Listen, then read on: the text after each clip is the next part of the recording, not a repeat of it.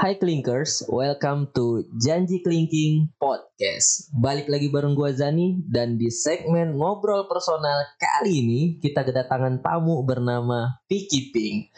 Topik kali ini akan bercerita tentang the life of Vicky Pink, sign language, art, and content creator. So make sure kamu dengerin episode ini sampai habis karena dijamin bakalan seru banget.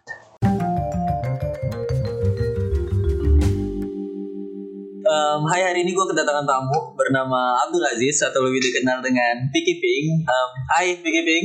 Halo. Gila di sini ada seribu orang yang nontonin Lebih kan lu dua orang doang anjir. Tapi Pik, uh, thank you banget nih lu udah mau main di podcast gue. Ya, Dan sebenarnya selama belakangan ini gue um, sempet stalking stalking sosmed lu tuh. anjay. Dan sumpah banyak banget sih hal menarik yang gue lihat dari sosmed lu. Oh my god.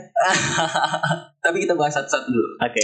Um, salah satu hal yang menurut gue um, bikin gue tertarik sama diri lu adalah kan di bio IG lu lu nyantumin kalau lu juga apa ya seorang sign language interpreter ya. Iya, betul sekali. Um, gue penasaran sih, boleh gak sih lu jelasin tentang apa sih sign language inter- interpreter itu? Um, eh, untuk sign language interpreter itu se- eh, sebenarnya kalau di bahasa Indonesia kan Hmm. menjadi juru bahasa isyarat Hmm, gitu sih. juru bahasa isyarat. Iya. Dan tapi kalau misal juru bahasa isyarat gitu itu emang kayak lo emang suka belajar itu dari awal atau apa yang bikin lo ngerasa kayak gue pengen belajar ini gitu? Ah, jadi sebenarnya untuk kecemplung di dunia perbahasa isyaratan itu gara-gara nggak sengaja sih kecemplungnya pas waktu kuliah. Hmm, hmm. jadi ya gitu deh ada tugas ada tugas dokumenter gitu kan. Terus narasumbernya tuli ya mau nggak mau harus belajar bahasa isyarat. Dan akhirnya sampai sekarang deh. Lo akhirnya keterusan. ah, keterusan. Dan jadi pekerjaan lo akhirnya. iya. Tapi lo emang ngerasa seneng ngejalaninnya atau kayak karena awalnya tuntutan doang? eh seneng sih. Ah, tapi kayak lama-lama ya udah kayak udah terbiasa gitu. Tapi kan itu bukan hal yang mudah untuk lo pelajarin ya. betul Nah, lu pernah ngalamin apa ya? Ngerasa kayak down untuk nggak nggak belajar lagi gak sih?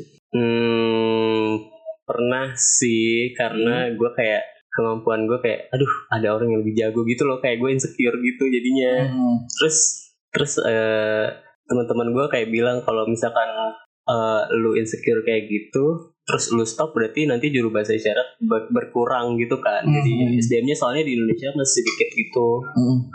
kayak gitu sih Dan berarti lu dapet apa ya? em, naikin motivasi lu lagi karena lu nger- ngerasa kayak gua akan jadi bagian yang akan mempromot si sign language ini. yes Nah, kalau sebenarnya kalau sekarang yang lu lihat sign language yang lagi banyak orang eh, mungkin lagi pelajarin juga nih, itu impactnya bakal kayak gimana sih ke depannya? Atau nanti kira-kira eskalasi ke depan orang-orang yang akhirnya mulai tertarik nih sama sign language itu bakal kayak gimana? Hmm, gimana ya? Ya untuk sekarang aja fasilitas-fasilitas di eh, transportasi umum aja masih kurang banget tuh visualnya kan. Eh, untuk misalnya ada teman tuli gitu yang naik ke trans ke transportasi umum gitu, kadang aksesnya juga masih kurang kan. Kayak eh, petunjuk arahnya itu mau ke mana mau ke mananya tuh bikin bingung juga kan. Jadi kayak kalau misalkan orang-orang yang pengen belajar bahasa eh, misalkan ke depannya nanti banyak banget orang-orang yang bisa belajar bisa berbahasa isyarat itu bakal memudahkan si si tulinya itu sendiri juga sih kayak gitu. Hmm, hmm, hmm, hmm. untuk berkomunikasinya kayak gitu Dan lo kalau misal ini kan bukan hal yang mudah untuk lo pelajarin ya sign language ini. Nah, yang gua juga penasaran nih, lo kalau lagi belajar kayak gini tuh emang dari diri lo sendiri otodidak nyari tahu atau sebenarnya sign language language ini eh, lo bisa pelajarin di mana aja gitu. Lewat-lewat kalau misal kayak sekarang kan misal lo lagi kerja nih company-company startup gitu lo banyak kan tempat-tempat yang nawarin lu kursus jadi anak IT, jadi anak data scientist gitu. Kalau sign language gini tuh emang lo harus dituntut belajar sendiri, nyari sendiri, ngulik sendiri atau tidak atau emang ada aja gitu tempat untuk lo belajar itu. hmm nyari kalau gue ya kalau gue nyari sendiri sih maksudnya kayak teman-teman gue juga kan banyak yang tuli juga jadi ya ya udah gue belajar dari mereka gitu Oh, lu belajar dari mereka. Mm-mm. Iya. Berarti ini juga berangkat dari kepekaan sosial loh. Awalnya iya pas Ah. kuliah sih, pas kuliah. Terus kayak keterusan gitu di diajak untuk bergabung di instansi eh pe- eh, ada salah satu instansi gitu. Jadi gue masuk ke situ. Oke oke. Tapi sekarang yang lo jalanin udah bener-bener apa ya? Awalnya kan lu kecemplung kan lu bilang. Hmm. Nah sekarang itu eh, lu masih menganggap diri lu tetap di kecemplung dan lu keterusan atau em, akhirnya nih udah pakai hati gitu. Lu Hmm. ngejalaninnya emang bener-bener dari hati gitu. Bener-bener udah kayak apa ya? Udah mungkin udah takdir gue di sini kayak gitu. Kayak gue Ah. mikirnya kayak ya udahlah jalanin aja kayak gitu sih. Ah, Oke, Em, nah kan gue juga ngelihat ini suatu yang apa ya penting juga ya ketika lo belajar ini, tapi juga ada pesan sosial yang ingin lo sampaikan kan dari sign language ini. Hmm. Kayak lo ingin ngasih lihat ke orang kalau ini lo ini tuh penting loh supaya lo lebih care lagi nih sama orang-orang yang mungkin tidak seberuntung lo dan bisa berkomunikasi secara bebas kayak lo gitu. Ada nggak sih tips yang pengen lo kasih ketika ada orang yang sebenarnya juga punya dorongan hati untuk belajar hal-hal kayak gini karena kan ini menurut gue juga apa ya sebuah bentuk saling kasih sayang ya antara manusia ke manusia gitu terutama sama orang yang tipe komunikasinya mungkin agak beda sama kita yang bisa berbicara secara lancar gitu. Kalau menurut lu gimana untuk orang yang mungkin mau mulai nih belajar atau kayak udah belajar tapi mungkin agak terdemotivasi ini kayak gue Ya. males banget nih mau belajar lagi. un- untuk gua em, untuk teman-teman yang mau belajar ya, yang mau belajar bahasa isyarat, eh kayak mungkin awalnya kayak orang-orang kayak mikir ah ngapain sih gue belajar bahasa isyarat gue nggak bisa, coba aja dulu kayak gitu loh, kayak Hmm. maksudnya kayak terus kebanyakan juga orang-orang mau belajar bahasa isyarat tuh takut sama tulinya. Padahal Hmm. si tu, si orang tulinya ini yang punya bahasa isyaratnya kalian bisa tinggal belajar aja sama mereka gitu kan. Terus eh, untuk teman-teman yang mau belajar bahasa isyarat bis eh, sebenarnya akan lebih efektif itu justru malah ketemu sama tulinya sih dibanding belajar lewat sosial media gitu contohnya kayak YouTube kayak gitu-gitu. Karena lu best prac- practice Iya, langsung. jadi kayak praktis langsung Hmm. ketemu sama native-nya gitu kan, bah- Hmm. yang punya bahasanya kayak gitu. Oke, dan apa ya? Gue juga jadi baru ngeh lagi nih. Ngebahas tentang ketakutan nih. Kayak kan ada orang yang mau belajar takut ya. Berarti kan ini akan dekat sama kendala ya. Kendala-kendala yang lo hadapi ketika lo lagi belajar. Nah kalau dari lo sendiri, lo pernah gak sih ngalamin hal-hal yang ngebuat lo ngerasa terkendala nih ketika belajar sign language? Pernah banget Kayak gimana tuh ceritanya? Jadi waktu itu kan eh, ada eh, suatu acara terus gue waktu itu belum gabung di instansi yang gue kerja sekarang ya waktu itu kayak masih nongkrong nongkrong doang Hmm. gitu sama temen-temen tuli dan gue diajak gitu kan terus kayak gue lebih kayak gue belum bisa bahasa isyarat kan waktu itu kayak cuma apa sih kayak cuma gestur doang gitu kan Ah, Terus kayak mereka tuh kalau udah ngobrol kayak di di meja bundar gitu tuh mereka ngobrolnya tuh cepet banget isyaratnya terus kayak gue Oke. kewalahan untuk nangkepin mereka ah.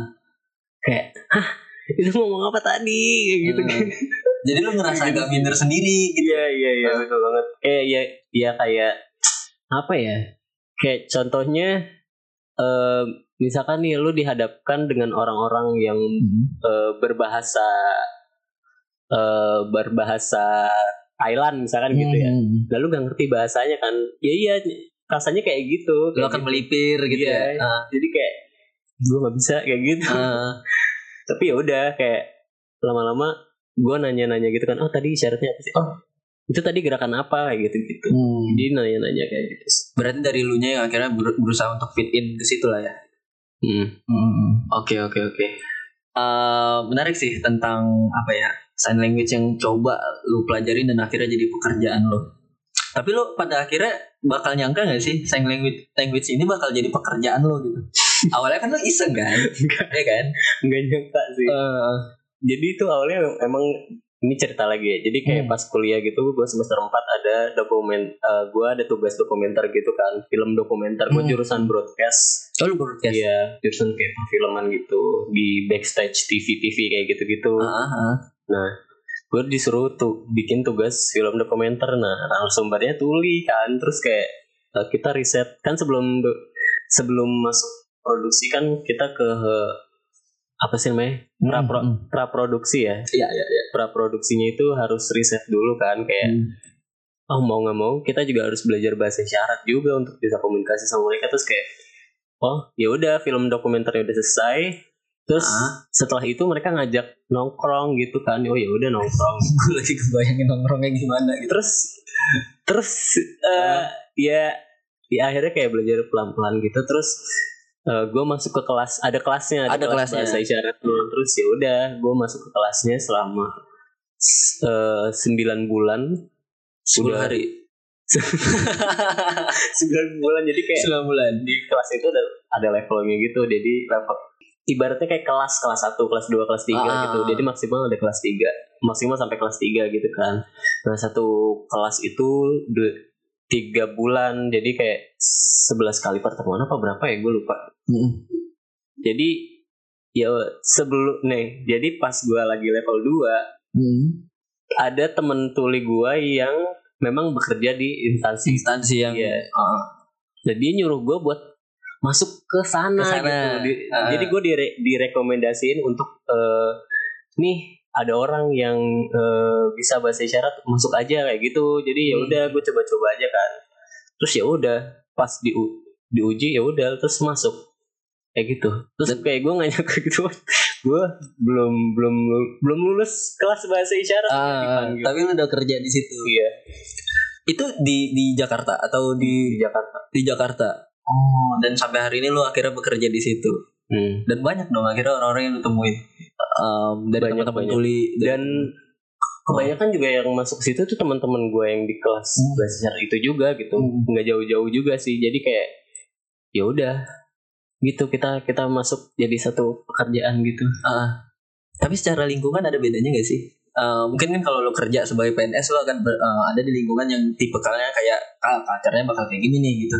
Kalau di orang-orang yang bekerja sebagai sign, Oh. sign language in- interpreter gitu kan pasti ada ada hal yang berbeda dong di di culture secara lu bekerja gitu. hmm, gimana ya sebenarnya eh sama aja sih gue kayak ngerasanya kayak eh kalau eh, di juru bahasa isyarat ini kerjanya kayak fleksibel gitu sih tergantung sama waktunya si klien misalkan eh, besok ada acara jam berapa gitu ya udah kita menye- menyesuaikan waktunya aja kayak gitu Oh, berarti lu ini tipikalnya ketika Tipikalnya ada kayak- klien iya lu ambil gitu ya. iya jadi kayak Ah, istilahnya kayak driver gojek ah, I see. Iya, kayak gitu. ah, Hmm. ketemu klien dulu. Yang kalau di TV-TV gitu nah itu itu beda itu lagi gimana? Ah. Jadi tuh di instansi gue itu ada dua jenis, ada yang off air, ada yang on air. Oh, ada yang off air, ada yang on air. Gimana tuh? Nah kalau yang off air itu yang tadi gue bilang kayak driver Gojek gitu, jadi nunggu apa nunggu panggilan atau ada orang yang eh, manggil gitu. Tapi kalau on air tuh memang dia harus setiap hari gitu kan. Jadi se- Oh. Senin sampai Minggu kan harus TV kan harus TV ada program terus Iya, ya? harus ada ada ada acara terus kan. Maksudnya kayak nggak bisa is- nggak bisa kayak eh oh eh, Senin sampai Jumat aja Sabtu Minggu kan nggak bisa di stop Hmm. gitu kan TV kan. Ah. Jadi kayak ya udah jadi kita switch switch gitu. Oh, ada shift-shift sendiri ya? Oh, oke, iya, iya, iya, menarik sih, anjir keren banget, sumpah. kayak gitu jadinya ya udah. Oke, oke, oke. Nah, sekarang gue mungkin akan agak hmm, ngebahas tentang sisi personal lo nih. Em, karena kan apa ya? em, yang menarik lagi ketika orang nge-scroll eh, sosmed lo nih, em, orang bakal obvious banget yakin kalau lo adalah orang yang juga suka gambar dan desain, ya kan? Lo suka nyantumin itu nih di di sosmed lo gitu. Nah, sebenarnya kalau dari lo sendiri, em, lu kan suka gambar, lu suka desain. Itu lu mulai sukanya itu dan mulai belajarnya itu dari kapan? Kalau kalau sign language kan lu dari kuliah ya.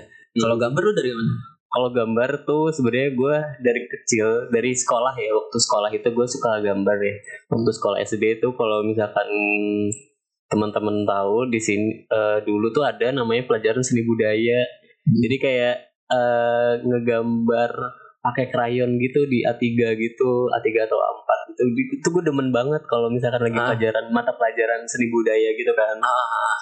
Terus ya udah terus pas SD, SMP, SMA itu gue udah nggak ngegambar lagi. Terus ya udah pas masuk kuliah lebih apa ya lebih fokus buat kuliah jadinya Hmm. terus daripada ngegambar terus pas lulus kuliah ya udah gue kayak coba-coba coba-coba ngegambar lagi aja gitu Oh, berarti lu suka gambarnya dari SD, tapi ketika lu menekunin bidangnya si gambarnya ini Iya sendiri tuh mulai laginya tuh pas selesai kuliah pas kuliah. Dan lu mulainya itu emang em, ada apa ya semacam kelas formal juga kayak yang sign language ini atau kayak lu juga mulai dari otodidak aja nih. Sebenarnya otodidak sih kayak otodidak. ngegambar-gambar biasa aja gitu. Awalnya kayak ngegambarin temen kayak gitu-gitu sih. Hmm, dan akhirnya jadi project. Mm, jadinya kayak ada project pribadi ada yang memang udah kerjasama sama UMKM juga gitu. Hmm. kayak gitu sih Oh, maksudnya kalau UMKM ini yang kayak gimana? Lu desainin produk em, logonya atau kayak gimana? Eh, biasanya ada mereka tuh minta dibuatin kayak video animasinya gitu. Hmm. jadi eh, bisa nggak bikin apa animasi kopi gitu? Hmm. digerak-gerakin kayak gini kayak gitu-gitu. Terus nanti lu lu yang gambar kayak gitu-gitu sih. Ah, jadi kebanyakan kayak gitu. Oh berarti lu selama ini jadi kayak ya udah klien lu tuh kalau nggak UMKM atau orang-orang yang akhirnya minta project gambar ke lu Ah, personal atau juga company juga personal personal iya Tapi kalau selama ini, kalau yang dari personal ada ini gak sih? Ini ya, ini ya. Untuk orang-orang yang pekerja seni, PR-nya lu sebagai pekerja seni adalah harga temen dong. Atau kayak ya udah, ya elah gitu doang. Ya gak sih, sering kan ada orang-orang yang yang nggak tahu diri ini. Kan effort ya bikin kayak gitu juga juga ada effort kan. jadi emang banyak sih kayak gitu. Kayak di Indonesia tuh masih masih apa ya ngeremehin aja gitu orang-orang Hmm. pekerja seni kayak kayak gambar contohnya. Kayak gambar-gambar ilustrasi gitu. Kayak minta gratis minta harga temen. Kayak gitu-gitu.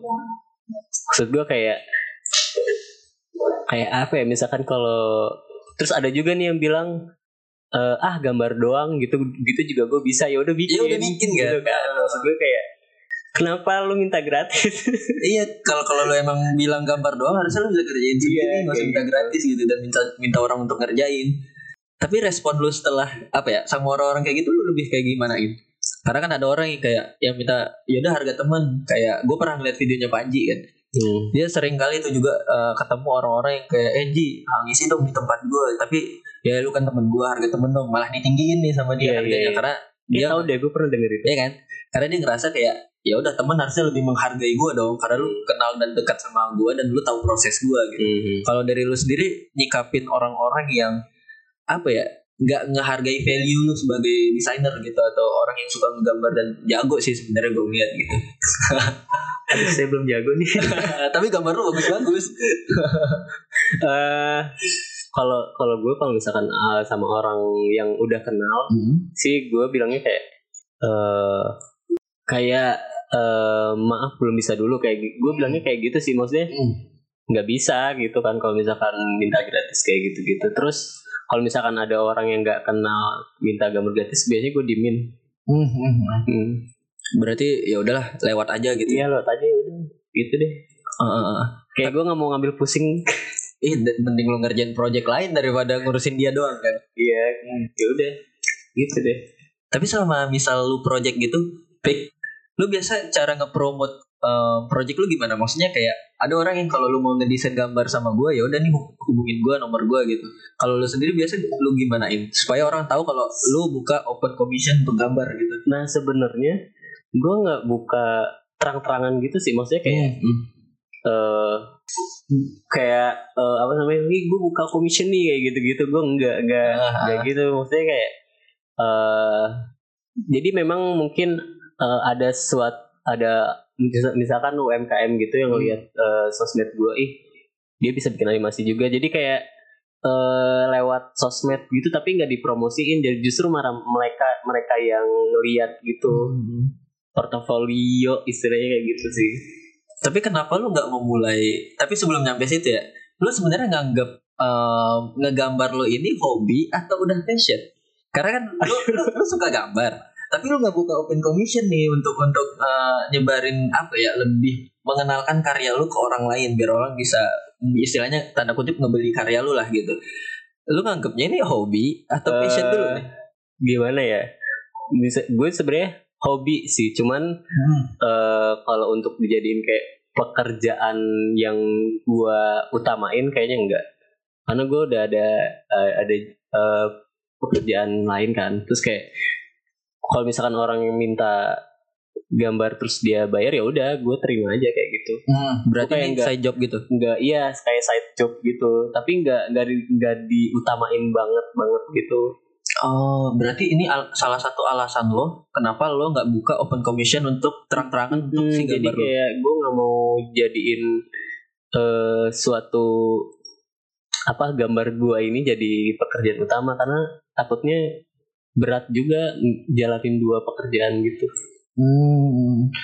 T- Tapi jujur ya, gue orang yang ngeliat sosmed lo, malah misal misal banget ya, gue perspektif orang yang ngeliat sosmed orang awam banget tanpa pernah kenal lo nih ya. Yang akan gue pikirin pertama adalah gue akan naro lu di top of mind gue kayak oh ini kalau gue butuh gambar-gambar gue akan desain ke minta tolong desain ke lu bayar ke lu gitu-gitu dan apa ya gue agak menyayangkan kenapa lu nggak naruh itu jadi open commission malah gitu sebenarnya gue terima cuman kayak gue nggak mau menggembor-gemborkan gitu loh. Kayak tersembunyi kayak gitu. Underground ya? Iya. Ya udah kayak terus yang kedua gue insecure. Kenapa insecure? Karena masih banyak yang yang jago yang kayak yang jago gitu. Terus kalau misalkan ya gitu deh gue kayak insecure gitu. Jadi ya udah kayak Ah, kayak kayak aduh dia dia lebih jago anjir kayak gitu. Ya udah gue kayak lebih baik eh diem diem buka commission daripada eh, menggembor-gemborkan gue ngebuka commission kayak gitu. Tapi jujur ya jujur ya gue punya selama gue kenal lu sama Eka nih gue nunjukin desain-desain lu pada ke, ke teman gue kan. Karena sumpah gue nggak pernah nggak pernah ngebayang lu bakal insecure nih.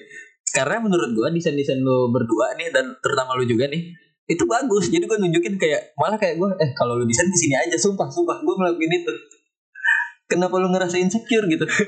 Gambar Aduh, bagus aduh. sumpah.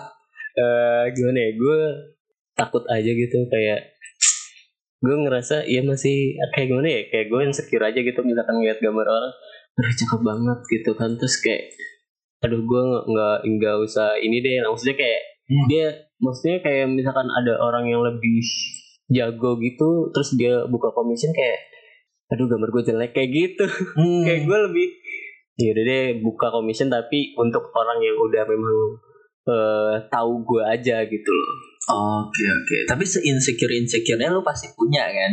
Project atau gambar atau desain pribadi yang lu suka banget. Ada Yang- yang dari, dari gua- semua yang pernah lu buat? yang maksudnya yang gambar gue gitu Iya, yang hasil suka. dari lu. Oh. ada Itu tentang apa? Dan gambar apa? gambar gambar portrait sih Potret kayak gimana tuh? portrait gambar apa ya gambar kepala gambar orang Hmm. dari kepala sampai dada gitu Hmm. terus ya udah terus kayak bikin karakter Disney gitu jadi stylenya style Disney gitu gitu gue suka Oh lu suka itu? Dan itu yang paling lu suka iya banget untuk lu kerjain. Kalau ada yang Ah. open commission.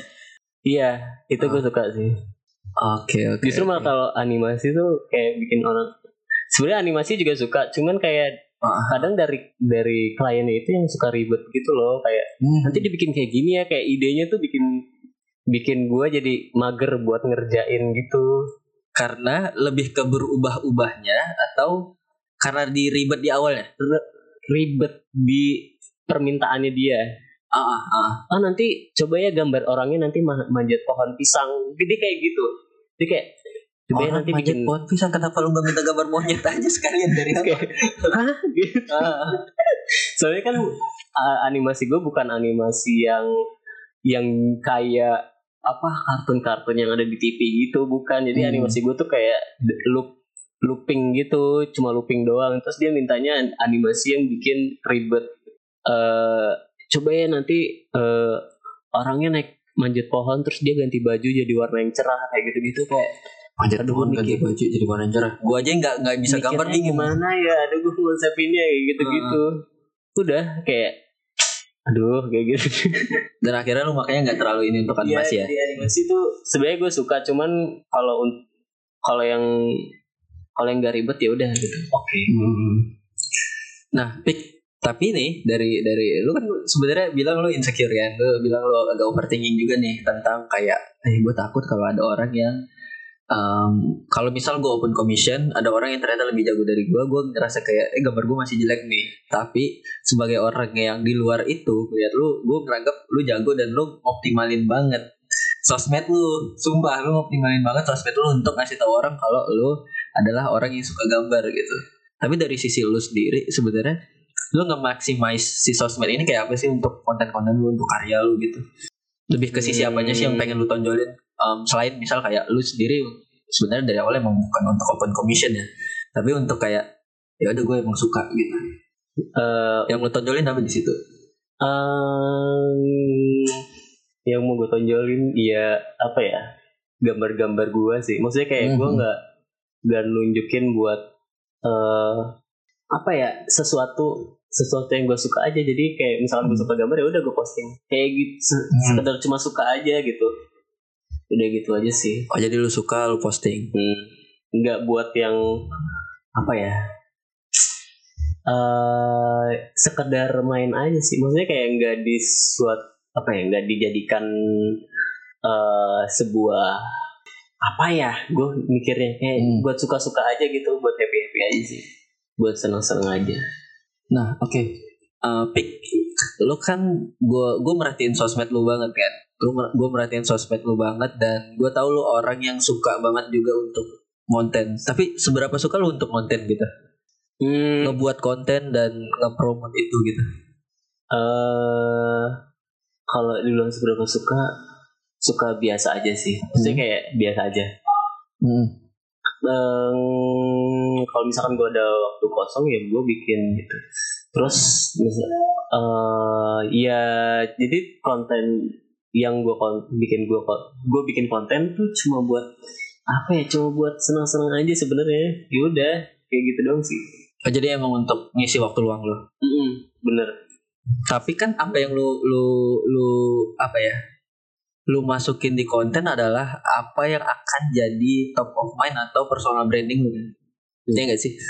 Nah, lu sebenarnya dari apa yang lu cantumin di sosmed, lu kan juga sign language kan, interpreter, lu juga um, content creator juga. Nah, tapi dari sosmed lu dan semua yang udah lu kerjain, lu sebenarnya kalau secara branding pengen dikenal orang sebagai apa sih?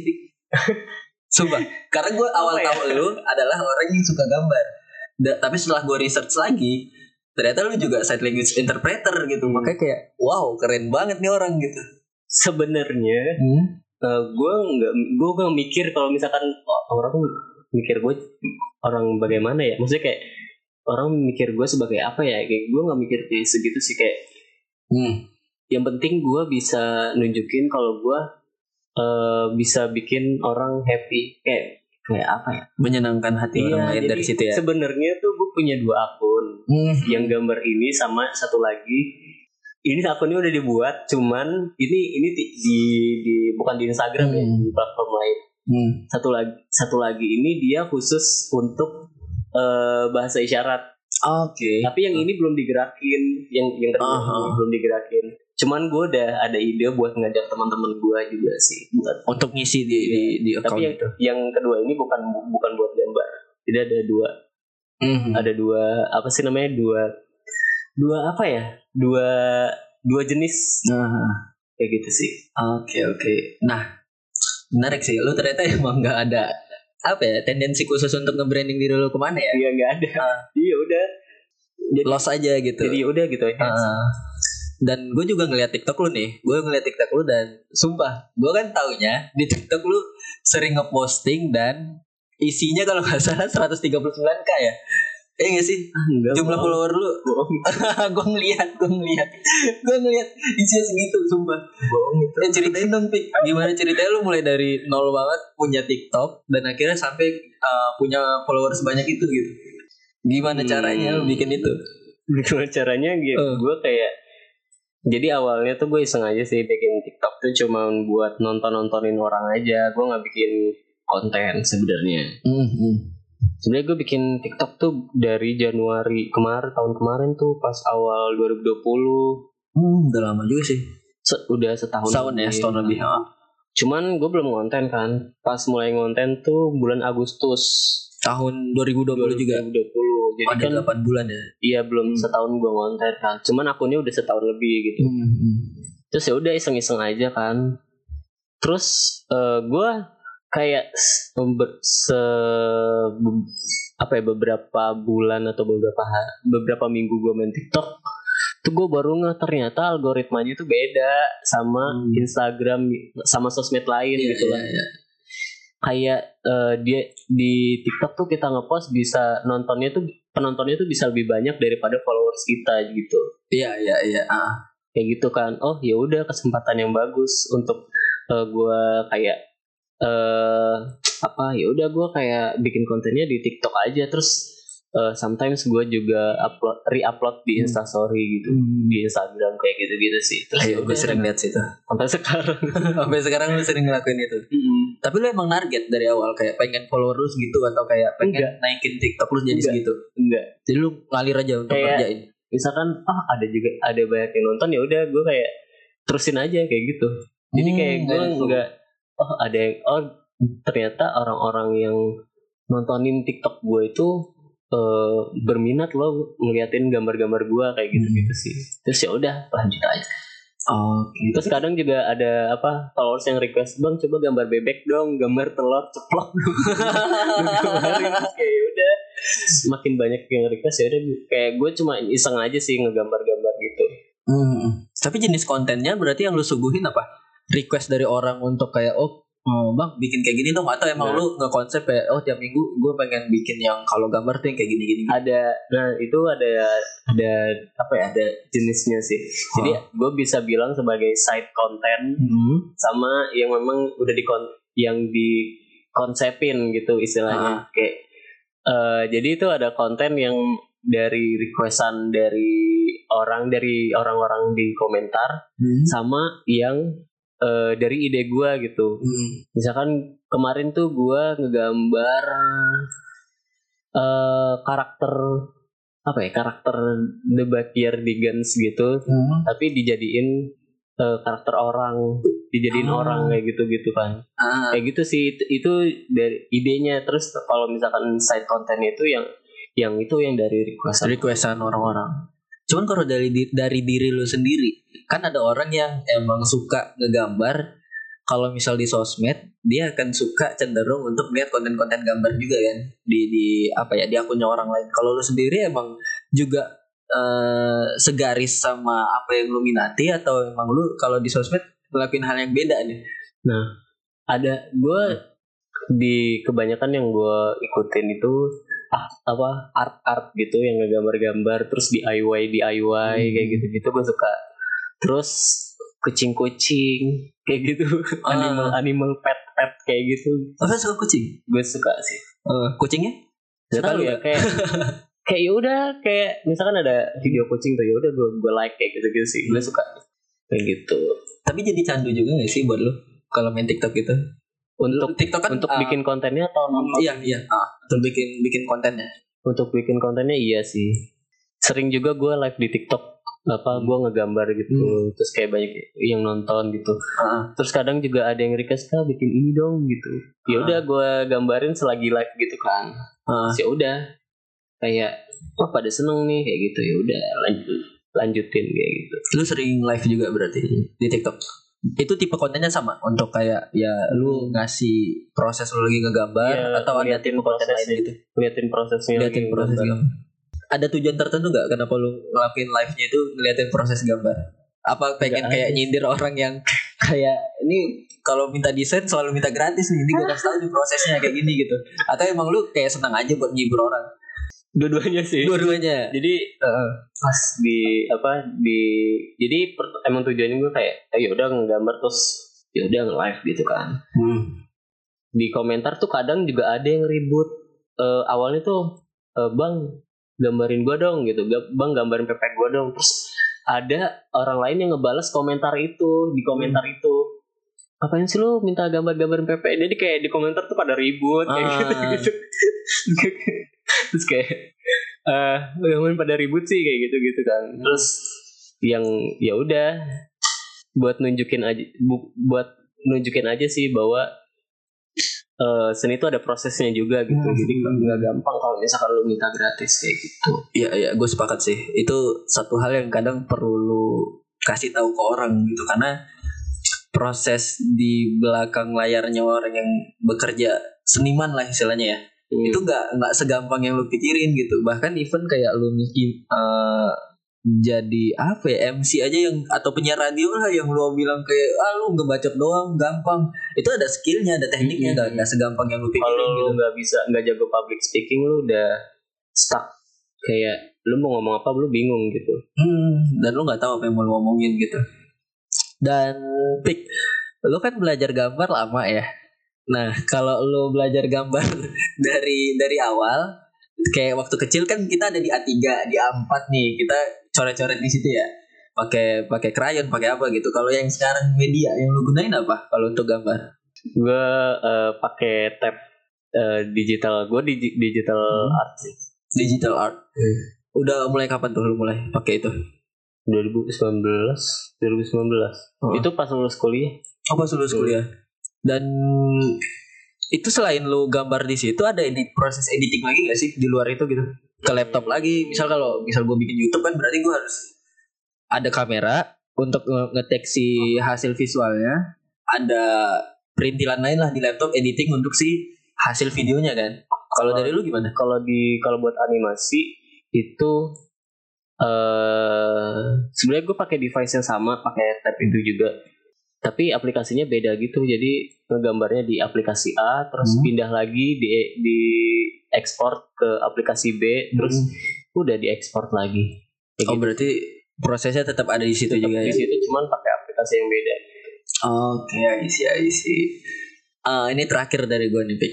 Terakhir nih dari gue. Um, lu kan suka gambar, lu suka banget untuk nampilin apa yang lu sukain di sosmed kan. Tapi kan di luar sana juga mungkin banyak orang yang dia mungkin ngelakuin hal yang lu suka juga nih, Pik.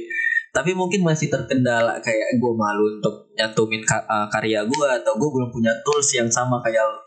Nah, apa tips buat buat orang-orang yang mungkin masih di tahap yang sama kayak lu tapi masih malu-malu nih untuk nunjukin karya karyanya atau belum punya tools yang sama kayak lu nih Pik Hmm, untuk teman-teman yang mau apa, yang masih insecure ya istilahnya, kayak mulai aja dulu, enggak sih? Kayak maksudnya, eh, lu nggak bisa nilai gambar lu tuh dari lu- diri lu sendiri gitu loh. Hmm. kayak mungkin ada orang lain yang suka gambar lu gitu kan. Ya udah kayak tunjukin aja gitu. Iya, gue juga masih insecure sih, cuman kayak cuman mulai aja dulu cuman kayak ya udah bodo amat gitu jadi jangan jangan insecure yang berkelanjutan gitu sampai lu lupa apa nge- ngenutupin bahwa lu punya punya sebuah karya gitu loh. Lu tunjukin aja kayak gitu. Oke. jangan malu deh kayak gitu. Jadi mulai dulu aja ya? Mulai dulu. Mulai saja dulu. Oke, Pik, Pik, thank you banget untuk obrolan hari ini dan dari apa yang gua tangkap dari lu, lu adalah orang yang kreatif, lu punya banyak sisi yang bisa lu ceritain dan banyak hal dari diri lu yang sebenarnya masih banyak eh, masih bisa banget untuk dieksplor terutama eh, sisi seni lu dan semoga lu eh, bisa ngembangin itu terus dan tetap inspirasi orang-orang untuk ngikutin eh, cara lu untuk berkarya. Pik, thank you banget nih.